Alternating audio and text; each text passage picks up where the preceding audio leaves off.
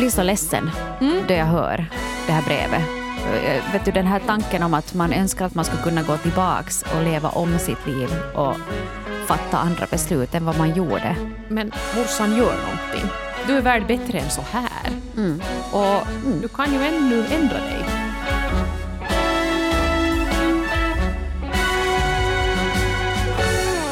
Idag ska vi här i relationspodden prata om relationstabbar. De där riktigt stora som man gör någon gång i livet och kanske ångrar efteråt. Men Hanna, jag tänkte att före vi gör det så skulle vi kunna... Vi har fått lite, lite feedback. Mm. Och jag tycker att, att bara för att visa till er som lyssnar att vi tar åt oss av er feedback, speciellt när den är så här vänligt och konstruktivt formulerad, så skulle jag vilja läsa ett, ett brev som vi fick här i veckan, som jag har kortat ner lite också. Eh, det här gäller förra veckans avsnitt, det som handlar om att vara kär i en upptagen. Och då har signaturen PS64 skrivit att hen är en, en trogen lyssnare och tycker om vår podd. Men i senaste program uh, tycker jag att ni missar grejen. Jag har hört på programmet bara en gång, men jag tycker inte ni var så värst objektiva den här gången. Det var nu ungefär att du får stå ditt kast och så där gör man bara inte varvat med lite du borde skämmas och man ska ta ansvar för sina löften och förbund. Visst, det finns säkert oförbätterliga bedragare och skitstövlar där ute, men det är en grupp för sig. Jag antar att flertalet av de vuxna drabbade ändå inte blir det frivilligt. Själv har jag sett på nära håll hur jobbigt det kan vara och dessutom har jag själv genomlevt detsamma. I värsta fall är man ju enormt fäst vid sin familj, älskar sina barn och känner för sin gemål då man drabbas av någonting större. Och här står man nu mellan illamående över en situation man hamnat i och å andra sidan insikten att man nu förstår vad verklig kärlek är Bland oss lyssnare finns det alltid människor på båda sidor om rubriken. Eh, men tack för ett fint program och hoppas era idéer inte sinar, skrev PS64. Mm. Och som sagt, vi tar ju alltid åt oss om vi får feedback och, och vi funderar lite på det här att, att var förra veckans avsnitt lite för ja, ensidigt kanske? Mm. Att vi var kanske ganska dömande förra veckan. Jag lyssnade på det och insåg att oj, den här lyssnaren har nog faktiskt lite rätt i det hen säger.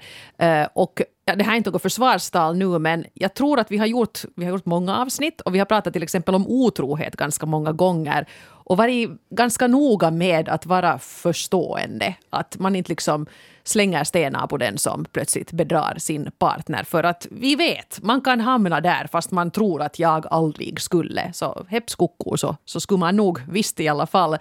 Eh, och jag tycker tidigare att vi har haft en ganska sådär objektiv inställning. Men nu blev vi kanske lite, lite uppspelta och, och ensidiga här. Jag tror att vi, vi liksom föll offer för det här. Du kan tänka dig en sån här lite äldre arbetsplatspsykolog som är trött på att alla kommer in och jommar om samma saker. Så att den liksom bara Eh, tappar lite sin empati och bara säger att äh, sluta jomma och gör Känner någonting. du väl dig som en sån? Nej, det gör jag inte. Men kanske jag kan uppfatta det som en sån. Ja, no, ja. Okay. kanske vi var lite mm. krassa, jag vet inte. Men, vi var men, lite krassa, men, men jag menar... Det, ibland ja. behöver man få vara lite krass också. Ibland jo. är det också, jag har märkt själv att jag har vänner som är jättediplomatiska och har sagt åt mig många gånger, liksom med, med väldigt snällt sådär att kanske du borde skippa det där, kanske du borde göra något annat. Och det går inte hem förrän de säger liksom, nej men på riktigt, nu har du hållit på att jobba om den här samma saken ett år. Sluta! människa. ja. Att ibland kanske man också behöver någon som verkligen säger åt en att nu räcker det. Mm. Men jag tycker också att vi som sitter här och poddar kan ju ibland få behöva uh, lite respons. Jag ja. menar lite att någon faktiskt lyssnar på oss och funderar på saker. Så jag tänker absolut ta lite åt mig av det här. Uh, och en god poäng som jag ska försöka komma ihåg nu här i kommande avsnitt. Så att tack för det. Och Relationspodden at yle.fi är ju vår e-postadress som man vill skriva till oss. Eller så skriver man via något av de här många formulären som vi har publicerat här under årens lopp. De kommer liksom alla, allt landar ändå i vår inbox så att det går bra att skriva via dem också. Mm, men vi uppskattar det att ni, ni hör av er och tycker till. Och I vår Facebookgrupp så kan man ju också uh, diskutera avsnitten om man har någon poäng där. Så, mm. det, är ju fritt fram för vem som helst att, att skriva där också. Så, så är det.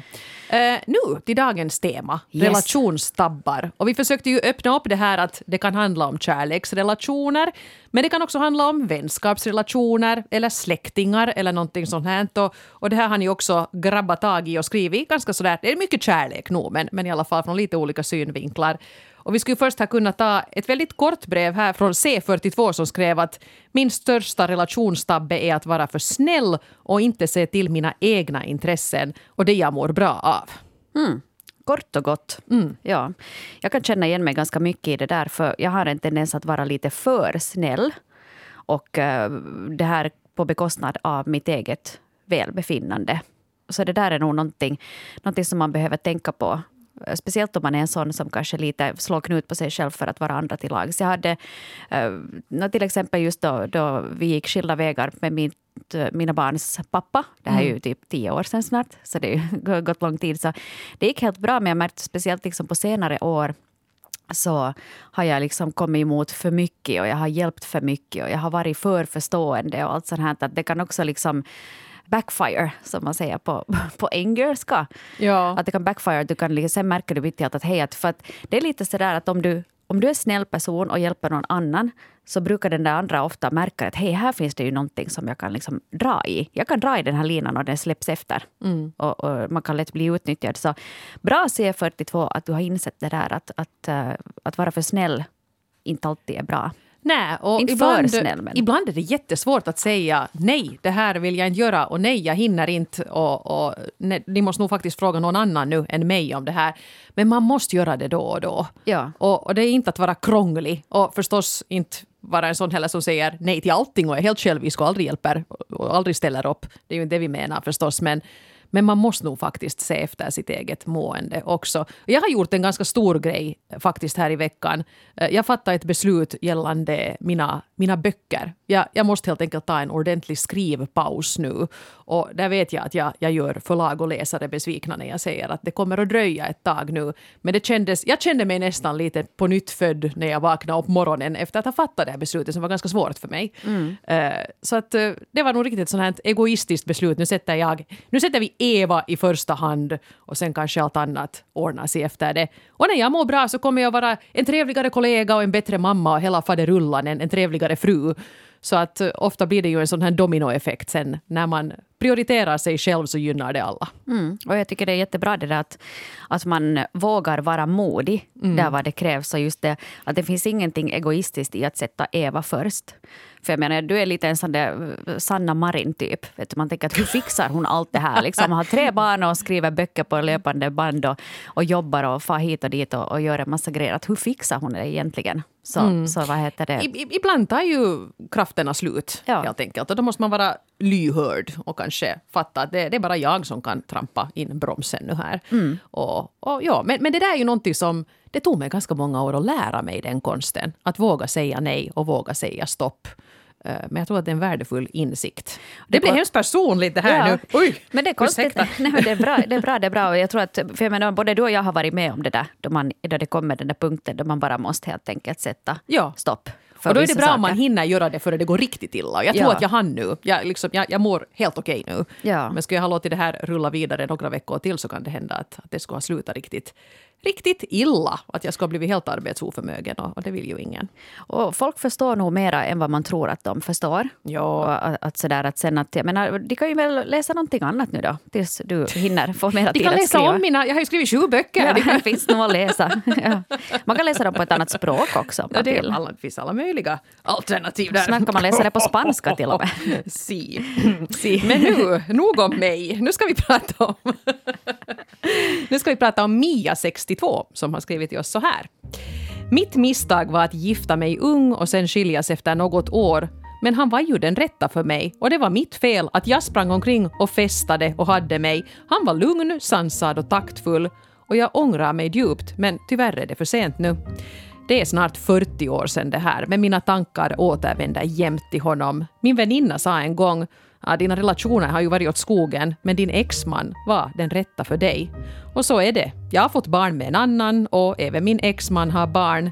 Min syster råkade träffa honom en gång och det hon berättade värmde mitt hjärta för han hade sagt att han ännu tänkte på mig. Snyft. Mm. Ibland skenar mina tankar iväg och jag får för mig att kontakta honom men sen tar förnuftet över och ja, kära ni, vad göra? undrar Mia, 62. Oj, Mia, nu måste vi fundera efter det då, hur vi, hur vi uttalar oss här så att inte mm. upptas fel. Uh, det är snart 40 år sedan. Mia är 62 år gammal. Ni har barn båda på skilda håll, men de där barnen är ju knappast småbarn mera om man ändå är 62. Mm. Om inte man är Halle Berry så har man inte småbarn mera i den åldern. Hon fick ju barn när hon var typ 50. ja, för den som inte kanske var insatt i det när Halle Berry har fått barn. Ja, jag, jag är ju en romantiker. Mm. Jag tänker ju så här att om du ännu tänker på honom och han ännu tänker på dig och ni är 62, eller du är åtminstone 62, varför inte bara köra på det då? Mm. Jag menar, tänk nu om du har en, en person som är liksom din person. Så varför inte göra det? Jag hade en granne en gång, så de, de var just eh, tillsammans då de var 20-30 års åldern. Sen skilde de sig, gick skilda vägar. Sen hittade de varandra typ vid 50 igen och är fortfarande tillsammans och har varit det i nästan 20 år nu. Så att det går ju också att hitta tillbaka till någon. Att, att inte tror jag heller att man eh, behöver tänka så svartvitt där att lagt kort ligger, att nu har vi skilt oss och då kan vi aldrig återförenas. Jag tycker kanske lite att det blev, det blev lite på hälft det hela på något sätt. Eh, jag tycker inte att det är någonting som skulle skada Mia att du tar kontakt med honom. Du behöver ju inte ens liksom tänka att åh, nu ska vi inleda en relation på nytt. Men kanske det skulle vara bra för dig att be om ursäkt. Säga till honom att vet du, jag funderar mycket på att, att det var ju jag som förstörde allt samman. Förlåt. Och sen gör han vad han vill av det. Kanske han är gift på annat håll och, och inte alls har något intresse för det här. Men, men jag, tycker, jag, jag, menar, jag tror inte att du kan göra hemskt stor skada genom att ta kontakt. Och det skulle kunna vara bra för dig att, att göra det. För din egen sinnesfrids skull kanske? Ja, för att han har blivit ett sådant tankespöke nu för dig. Eh, så att ta kontakt vet jag. Inte tänker jag nu att du måste gå in och på något sätt sabotera hans äktenskap om han har ett sånt. Men men varför inte? Uh, sen kan det ju hända att skulle du ta kontakt så skulle du kanske påminnas om varför du gjorde slut med honom. Mm. Kanske du kommer på att aj jäklar, vilken torris. Ja. Han ställde aldrig upp, han kom aldrig med ut på fest när jag ville festa. Han skulle bara sitta hemma och vara tråkig. Kanske allt det där också kommer tillbaka och kanske det får dig att inse att ja, det var ju nog trots allt rätt beslut jag fattade för 40 år sedan. Mm. Superbra point. Mm. Ja. Men lycka till. Ja. Hoppas att du no, inte går omkring nu och harmar det i alla fall. Nä. Gör vad du kan för att slippa den känslan. Mm. Vi går vidare här till Rickard 44s brev. Rickard skriver så här om, om sina relationstabbar. Jag känner att mitt största misstag inte gjort ännu. Efter ett långt avslutat förhållande är jag rädd för att kasta mig in i dejtingen igen. Jag är rädd att jag kommer att bli kärleksblind och glömma bort de prioriteringar och värderingar jag annars har. Jag antar att jag har någon slags diagnos då jag lätt blir förälskad och totalt blind för alla varningssignaler som tjuter. Och min mardröm är att igen vakna upp några år senare och inse vilka uppoffringar jag har gjort helt förgäves. Jag har skrivit en lista på dos and don'ts att blicka på om jag börjar dejta men jag vet redan att jag bara skulle bortförklara dem som dumheter sen om någonting inte stämmer medan kärleksblodet pumpar i mina ådror. Ja, Rickard. Uh, jag, jag, har ju liksom inte några goda råd att ge dig här, men jag måste lite reflektera kring det här i alla fall. Att det här att, att ge sig ut på jakt efter kärleken, då, då kommer man att bli stollig och dum. Det, det hör på något sätt lite till paketet. Mm. Och jag, får lite, jag får för mig nu att, att du har kanske haft en relation där du i efterhand har insett att du har kanske kompromissat lite mycket och, och lite du har blivit bränd tror jag. Och att du därför är lite, lite ynklig och, och lite nervös för att det ska hända på nytt. Men även om du nu på förhand tror att du kommer att glömma vett och sans så tror jag att du är lite klokare nu än förra varvet för att du har varit med om det här. Och jag tror att det inte, jag tror inte nödvändigtvis alls att det kommer att gå som du befarar. Att du blir helt galen, helt kärleksstollig och förlorar allt omdöme. Jag tror nog det kommer att finnas där. Men jag tycker nog ändå du ska våga. Om du vill dejta eh, gör ett försök och har du några kompisar du skulle kunna vidtala? Ja, jag tänkte just det samma. Att, skulle inte kunna ja. ha att någon, någon, din nära vän skulle vara lite engagerad i det här projektet. Att om kompisen märker att hej, att, att nu, nu kanske den här personen inte är den för dig. Ja. Så får, har den, får den säga det. Precis. Säg till en kompis på förhand att du är nu liksom mitt, mitt samvete om jag, om jag tappar bort mitt eget. Ja, sen jag började tycka att den Förnuftets här, röst. Ja, jag började tänka att den här sjubarnsmamman som sitter i finkan för mord, att hon är mitt hjärtas gudinna.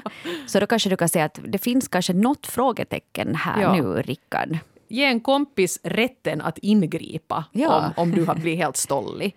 För inte tycker jag du ska behöva vara ensam i det här heller. Jag hoppas att du kanske skulle ha någon i din närhet som du skulle kunna tilldela den här rollen.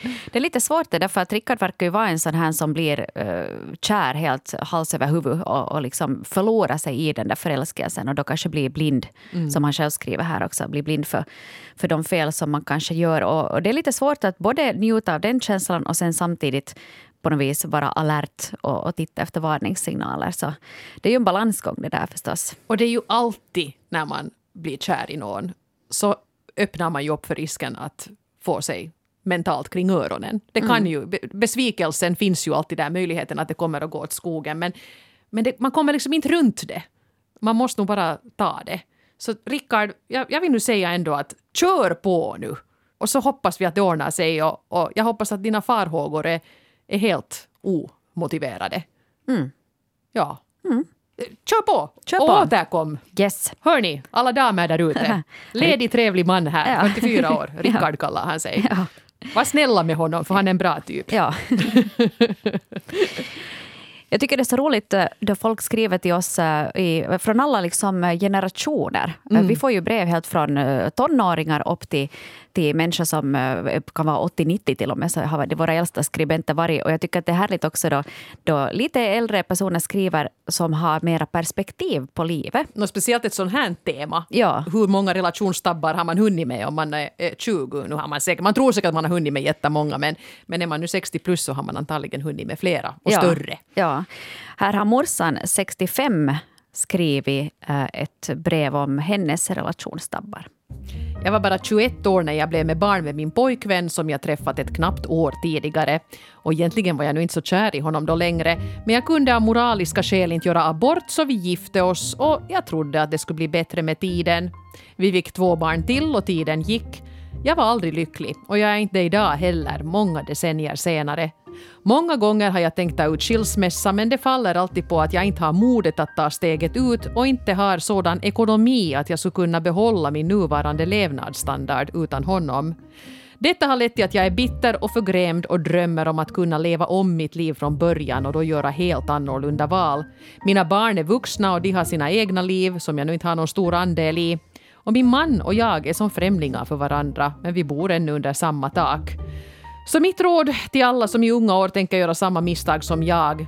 Lev ditt liv i första hand. Ingen tackar dig för dina uppoffringar, skriver morsan 65. Oj, morsan. Jag blir så ledsen Mm. då jag hör det här brevet. Eh, Vet du, den här tanken om att man önskar att man skulle kunna gå tillbaks och leva om sitt liv och fatta andra beslut än vad man gjorde. Men morsan, vet du vad jag gör nu? Nu ställer jag fram en spegel framför dig och så säger jag så här. Lev ditt eget liv i första hand. Ingen tackar dig för dina uppoffringar. Alltså det rådet som du vill ge nu till yngre, ge det rådet till dig själv. 65, inte är du speciellt gammal. Du har många, många, många år kvar här ännu. Och, äh, no, jag vet, jag ska inte börja lägga mig i och spekulera kring din ekonomiska situation och jag förstår ju mycket bra det där att, att om du nu till exempel inte har stora besparingar och, och möjligheter och, och, och skaffa dig en, en fin lägenhet och sånt, att det, att det är ett stort problem.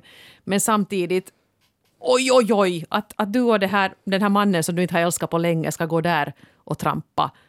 Eh, kan ni bli någon sorts rumskompisar? Jag menar, kan, jag vet inte. Men, men nu är det ju på något sätt försmedligt att du ska ha det så här nu resten av livet också. Jag tror nog ändå att man skulle vara lyckligare fast man då bor på kanske en lite sämre stadsdel i en lite mindre lägenhet om man får vara där själv. Om man får leva sitt liv för sig själv, som morsan 65 också skriver. Att sist och slutligen att kanske det är att fundera lite på det där att vad är den där levnadsstandarden, vad ger den dig egentligen? Behöver du ska vi säga, en fin lägenhet eller ett stort egnahemshus och allt det där? Eller skulle du kanske kunna tänka dig att bo i en, ett mindre, mer avskalat format och istället få sinnesfrid och, och få tillbaka ditt eget liv? Ja, men det här att du är bitter och förgrämd, det drar ju ner på livskvaliteten om någonting. Att, ja, det, det är nu snillen spekulerar här, men, men fundera nu vidare på det här att skulle det kanske ändå vara bättre att leva ett enklare, fattigare liv, men ändå ha den här friheten och vetskapen att du ändå tog det här klivet och du gjorde det för dig själv och för din egen lyckas skull.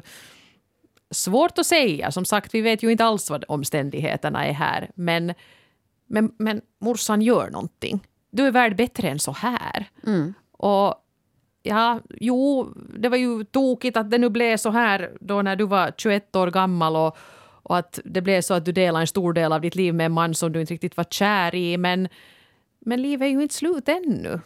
Mm. Du kan ju ännu ändra dig. Ja. Mm. Som den gamla tänkaren Lenny Kravitz sa, it ain't over till it's over. Var det före eller efter hans byxor sprack? ja, säg det. Säg jag det. ja, det, det känns alltid lite naivt för man, att, att ge sådana här råd till, till människor som har så här stora svåra saker på gång. Men, men det här var min magkänsla. Och mycket, mycket kärlek och pepp till dig morsan. Verkligen. Vidare, verkligen. framåt, uppåt. Mm. Chefen 42 har också skrivit in till oss eh, på följande vis. Generellt så klarar jag inte av relationer som inte är nära. Jag tänker inte på andra människor om de inte är framför mig, alltså fysiskt framför mig.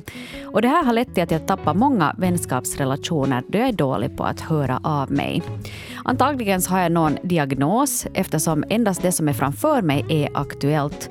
Dock så är jag exceptionellt bra på att hantera allt som är i närheten, kollegor, arbete och barn. Men allt som råkar vara i periferin bara försvinner. Inte ens mina egna barn har jag en tanke på om de inte är i närheten. Jag saknar många av mina gamla vänner och jag önskar att jag hade en bättre förmåga att tänka utanför det som är här och nu.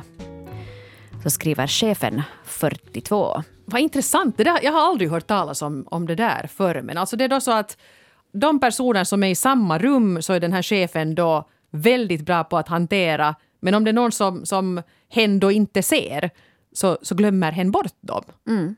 Vad speciellt. Nu var det här ju den, den andra personen idag som skrev samma sak, att jag kanske har någon diagnos. Och jag börjar undra, att skulle det inte vara bra att få den där diagnosen då? Alltså faktiskt få det svart på vitt att, att jag har en sån här grej. Och att det kanske skulle vara till och med lättare att få förståelse av omgivningen sen om man inte bara själv spekulerar kring att jag kanske har en diagnos. Förstår du vad jag menar? Låter flummigt. Ja, och kanske omgivningen inte heller skulle ta lika mycket på näsan för att du inte hör av dig. Nej. För det kan ju också hända att dina gamla vänner är så att "Nå, men han, han, chefen han hör ju aldrig av sig ändå. Att varför ska jag hör, alltid höra av mig? Ja, och då tycker man att, att vad han är, vad han är pottig. Ja. Men det är ju inte alls det det är frågan om, utan faktiskt en, en oförmåga att, att ta till sig att människor finns där ute och man kanske borde höra av sig. Men det är lite svårare. Jag tror att överlag också om man går utanför chefens situation här så tror jag att det är ganska många som har eh, gamla vänner som man kanske har tappat kontakten med och sen har det gått för mycket tid och så känns det som att oh, jag kan inte riktigt höra av mig nu. Att, att jag vet ju Ja. ingenting om den där att eh, vet du, som att man, och under pandemin också så tror jag att, att folk har tappat kontakten med varandra då man inte ses. Sådär. Säkerligen. Men jag tänker också att om, om jag skulle vara vän med chefen 42 och få veta att den här chefen faktiskt gärna vill umgås med mig men har den här grejen. Så då skulle det kännas som en mycket lägre tröskel att vara så att men jag ska vara den här tjatmostern som tar kontakt och, och, och liksom att jag skulle tycka att varför ska jag nu alltid vara den som tar initiativ? Utan jag skulle förstå att men det här är nu läge med den här kompisen. Så att här måste jag vara den här motorn om vi ska umgås. Och jag vet att den här chefen vill träffa mig. Att det inte är liksom någon ignorans som det är frågan om. Så jag tänker mig att öppenhet och, och kanske testa att ändå ta kontakt med några av de här vännerna som, som du har tappat bort och se vad som händer och förklara läget. Att det var inte att jag hade glömt det och var ointresserad utan, utan det är sån här jag är. Men jag beklagar och jag skulle jättegärna vilja ha kontakt igen. Även eh, signaturen MSO 0937 har skrivit in till oss. Det låter som ett, ett, ett besvärligt password, den här signaturen. Född 09 och 37 år gammal. Ja, då. kanske det. Kanske det så. Då är du bättre på matte än vad jag är, helt klart. Men jag har också skrivit in om det här med att tappa kontakten till sina vänner. Mm. Skriver så här. Min första man var svartsjuk och lat. Ingen ordentlig utbildning hade han och ingen mod att söka nya vänner. Och det här ledde till att jag inte heller fick träffa mina vänner. Jag fick knappt gå ut och gå. Det enda som han gillade var bilar. Och att skaffa hund tillsammans, det hjälpte inte heller vårt förhållande. I början hade jag många vänner i stallet som hörde av sig, men de slutade ringa eftersom de märkte att jag ju alltid sa nej. Jag hade alltid en ursäkt för att inte komma och möta dem, men det var ju bara på grund av honom jag sa nej, fast jag så innerligt ville fara. Efter cirka fyra år tröttnade jag på honom, men det positiva var att jag träffade en man samtidigt som jag var tillsammans med mitt ex och den här mannen har jag barn med idag. Skriver då MSO09. Hmm. Uh, vilken relation. Ja. Det, där, det där har vi ju hört om förr, ja. fått liknande brev. Ja, det där är en, en stor relationstabbe, helt klart. Mm. Att man uh, skippar sina vänner då man hittar en kärlek. Och då kan det ju vara att ibland så försvinner man in i sin förälskelse, att man bara helt enkelt glömmer bort att höra av sig till sina vänner för man är så förtrollad av den här nya personen.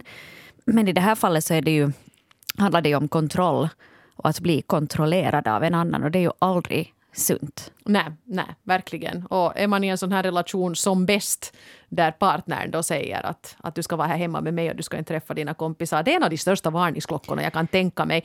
Den är liksom inte lika tydlig som fysisk misshandel förstås, men det är ju psykisk misshandel i, i högsta grad. Ja, men du kan ju inte bestämma över en annan vuxen person. Mm. Du får inte gå till stallet och träffa dina kompisar. Inte kan man säga så. Nej, för, för att jag är socialt inkompetent och inte har några kompisar så ska vi sitta här vi två då. Nej, det ska ni inte. Nej. Nej. Men det var ju bra i alla fall att MSO09 har tagit sig mm. ur den här relationen. Och, Men och tänk att det tog fyra år och alltså jag klandrar mm. inte i det minsta för det här har vi hört om många, många gånger och man är på något sätt förblindad. Och sen om den här människan är manipulativ så är det väldigt svårt att avgöra. Att se det där med, med, med liksom tydliga, en tydlig blick. Ja, de är ofta ganska skickliga jo. på att, att inte det är så att det kommer från en dag till den andra att nu får du inte mer umgås med dina vänner. Mm. Utan det kommer ju gradvis att smyga sig på. Så vettiga och smarta människor kan stanna kvar i hopplösa relationer i åratal. Ja, där kan det också vara att den här kontrollerande personen inte är liksom en sån här tyrann där hemma utan kanske spelar martyrspelen. No, men, ska jag sitta här ja, ensam då hela gå, kvällen? Ja, ja, ja. No, men lämna mig du nu bara att jag kan sitta här ensam och se ja. på TV. Exakt. Sådär. Men bra att MSO09 tog sig ur den här relationen och gick vidare i livet. Eh, affärskvinna 30 skulle vi kunna ta härnäst. Jag hade en emotionell affär med en 25 år äldre kollega. Ingenting fysiskt hände, men det var många textmeddelanden och mycket flirt på jobbet. Och det här pågick i några år. Jag var till och med beredd att lämna sambon för honom. Tack och lov insåg jag att jag nog älskar min sambo som nu för tiden är min make och då tog detta slut. Men jag har oerhört dåligt samvete för att jag sårade både kollegan och maken. Kollegan måste jag ju fortfarande jobba med och maken och jag hade trots allt väldigt bra nu. Jag tror jag gick igenom någon slags livskris just då, för jag var väldigt osäker på mig själv och vilka val jag ville göra i livet. Det var väl nog uppmärksamheten som jag fick av kollegan som lockade att känna sig sedd och snygg. Då skriver affärskvinna 30. Hmm.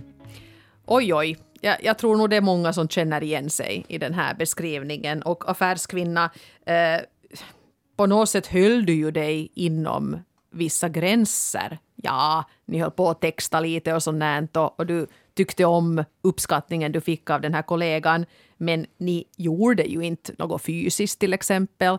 Så jag tycker ju nog att så gott det går så ska du börja skrota det där dåliga samvetet nu. Det här var nu en sån där etapp som livet förde med sig och eh, det var ju en viss nytta av det. Du, du insåg ju att det trots allt var din sambo du ville leva tillsammans med. Och det förargliga här är ju att, att du ändå måste träffa den här kollegan, att ni är kvar på samma arbetsplats. Skulle det ha varit någon som bara passerar revy och sen försvann ur ditt liv så skulle du säkert inte eh, fundera på honom lika mycket. Nej, men om du nu träffar honom varje dag så blir det ju förstås lite jobbigt. Ja, då är det lite svårare. Ja. Nej, men jag tycker, var inte så hård med dig själv där. Sådant händer och som du skrev att du antagligen gick igenom någon sorts livskris. Då man gör det, då är man alltid lite ute och roddar och, mm. och, och gör en massa dumheter. Och man kanske lite greppar efter halmstrån hit och dit och är lite allmänt förvirrad i livet. Och ja, det var ju säkert lite, ja. det var ju dumt, ja. Men samtidigt, mm. om, om den här din sambo inte, inte gav dig uppmärksamhet och inte fick dig att känna dig snygg och sedd så var det ju ett problem och det var nog inte bara ditt fel utan nu var det ju ändå båda som var på något sätt delorsak till att det, det blev lite skevt däremellanåt. Mm. Men det ordnar ju upp sig i alla fall, mm. som tur. Ska vi ta ett sista brev här ännu? Ja. Karma is a bitch 40 plus har skrivit så här. Efter att jag skilt mig från min man och vårt kärlekslösa förhållande föll jag för en riktig charmör. En riktig Don Juan. Det gick ett halvt år innan jag hittade meddelanden han skrivit med andra och då dumpade jag honom och vi hade ett halvårs paus. Sen föll jag för charmörens envisa gråt och ånger och tog tillbaka honom. Det gick bara en kort tid så ångrade jag mig igen, så där lite tyst för mig själv, men då tänkte jag att nej, nu har jag fasiken bestämt mig. Jag hade sålt min lägenhet, flyttat med barnen till en hyreslägenhet tillsammans med charmören, vi höll på att bygga hus. Det var liksom för sent att ångra sig då, resonerar jag. Fem år senare är han otrogen, eller han blir då fast för att vara otrogen, och jag får ändå lov att bryta upp mitt och barnens liv igen. Det finns inget jag mera ångrar än att jag tog tillbaka honom den där första gången. Skulle ha haft kvar min egen fina lägenhet, varit så gott som skuldfri vid det här laget och sluppit ge mina barn en dålig manlig förebild. Vi hade bra idag, men flera år senare är jag ännu arg på mig själv för att jag tog tillbaka honom den där första gången. Ja. Ja. Oj, hoho. Ja. Det är svårt att värja sig mot de här Don Juan-typerna som man stöter på ibland. Mm. Och jag förstår att du ångrar dig. Jag förstår också varför du tog tillbaks den här charmören. Ja. För att han Han var golv- helt ljuvlig. Han golvade dig med sin charm Ja. liksom, helt enkelt. Att det, var, det var nog bara så att du kunde inte värja dig mot hans charmoffensiv. Och då, och då blev det så här. Mm. Inte helt guld, men ja, vad, vad, vad kan man liksom göra? Jag vet inte, det här med, med ånger, det, det kommer ju upp här i många av de här breven. Att man ångrar sig. Jag tänker att vad är det egentligen för en känsla och, och vad kan den ge en? Och hur mycket utrymme ska man ge åt sin ånger? För jag tror vi alla kan, alla har vi saker som vi ångrar. Jag har åtminstone flera stora misstag som jag har gjort i mitt liv som jag ångrar. Men jag kan ju inte göra någonting åt dem något mera. Att vad ger den där ångern dig? Inte så mycket. Att kan man, kan man liksom kanske lite börja montera ner den där ångern på något sätt hos sig själv, oberoende vilken tabbe man har gjort. Ja, för det finns ju en risk att man blir väldigt bitter. Till exempel om man kollar lägenhetspriser och inser att lägenheten jag bodde i 2003 och sålde för det och det beloppet skulle ha varit värd dubbelt så mycket idag. Så då kan man ju ångra lite att äsch, varför sålde jag den så billigt? Men vad gör det nu egentligen? Det finns ingenting jag kan göra åt saken nu. Det har varit och farit. Så ja, eh, bara man inte låter den där ångern styra ens liv så kan ju lite ånger spöka på där någonstans. Jag tror det är så farligt heller. Det kan ju vara en bra självinsikt att "Nå, det där var nu lite dumt, men man kan också lära sig av sina misstag. Jag ångrar det här och vet därför att jag inte gör det på nytt. Ja. Och jag förstår liksom den här eh, Karma is a bitch 40 plus eh, som har skrivit till oss också att det här är nog det här är något som man säkert ångrar och man liksom förlorar en massa pengar på det och man, barnen led av det och man själv led av det och allting blev bara skit. Det är klart man ångrar sig. Ja. Men det är också livet. Livet är ju inte någon jäkla önskekonsert. Och det kunde du inte veta och, och du, var, du var snäll och förstående och tyckte att han förtjänade en annan chans. Och så visade det sig att det, det gjorde han inte alls, men, men det kunde du inte veta. Men ska vi kunna gå tillbaks här? eh, Jag tänker till det här brevet som eh, morsan 65 skrev in. Som sa just att hon var 21 och fick barn liksom, med en man som hon inte var kär i. Och sen är nu 40 år senare är tillsammans Hänger med honom. med honom. Mm. Att där tänker jag liksom att, att, eh, som den här sista brevskriven skrev här också, att, att det var för sent att ångra sig då vi höll på att bygga hus och, och allt det här. Att man kanske, kanske vi alla borde vara lite modigare i det där skedet. Att om man känner, ens magkänsla säger att det här är fel. Du kan komma ur ett husbygge. Eller så kommer man överens om att vi bygger huset klart och så säljer vi det. Eller någonting sånt. Att man ska inte heller liksom envisas med att uh, krampaktigt hålla fast vid de beslut man har fattat om man inser att det här var ett fel beslut. Att man Ja. kan välja om. Jag vill flika in här att kvinnan som talar just nu var med om att hennes hus blev mögligt. Eh, äktenskapet, eller ja, relationen med barnens pappa havererade och allting var väldigt, väldigt upp och ner under ett år. Och nu sitter du här och ser ganska glad ut. Det Ja. ordnar sig. Det var liksom katastrof på katastrof. Ja, det var ju fem år av ett eh, allmänt elände. Precis. Och nu är du här och Ja.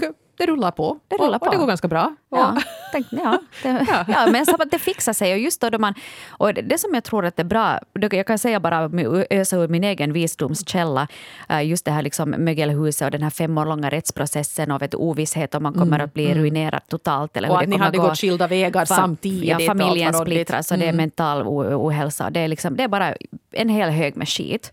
Skulle du ha vetat det på förhand skulle du säkert bara ha lagt dig ner och dött Ja. på fläcken. Ja, då ska jag inte ha gjort det. Men det som jag tycker att jag har lärt mig av det är det att eh, jag har blivit ganska orädd av det. För att jag vet att jag liksom fixar det Och fixar jag det så fixar jag i princip vad som helst. Att jag vet att jag är mentalt tillräckligt stark för att klara av typ vad som helst. Och det där eh, tror jag att är en viktig lärdom som man kanske kan ta med sig då man har varit med om något svårt och kanske ångrar sig i efterhand. Jag menar, det var ju ett elände, men samtidigt så var det också en gåva för det har stärkt mig så mycket för de kommande åren i mitt liv. Och att nu är jag mycket modigare att våga fatta beslut. Mm. Våga tro på det som min magkänsla säger och så. Våra felbeslut är kanske det som gör oss till de vi är. Mm. Jag har blivit helt Du är helt som Oprah idag. Ja, ja, faktiskt. Det, var, det där var bra. Det, var, det där var bra. Det där var bra. Det där var bra. där fick jag till det. Hoho. Hej, vi kämpar vidare. Tack till alla er som har skrivit in. Relationspodden är tyle.fi eller vår Facebookgrupp, där når du oss givetvis. Och så, ja, vi hörs väl igen om en vecka. Ja, det gör vi. Oprah är tillbaka nästa vecka igen. Yes. Var inte oroliga. Mera råd och tips. God bless. God bless.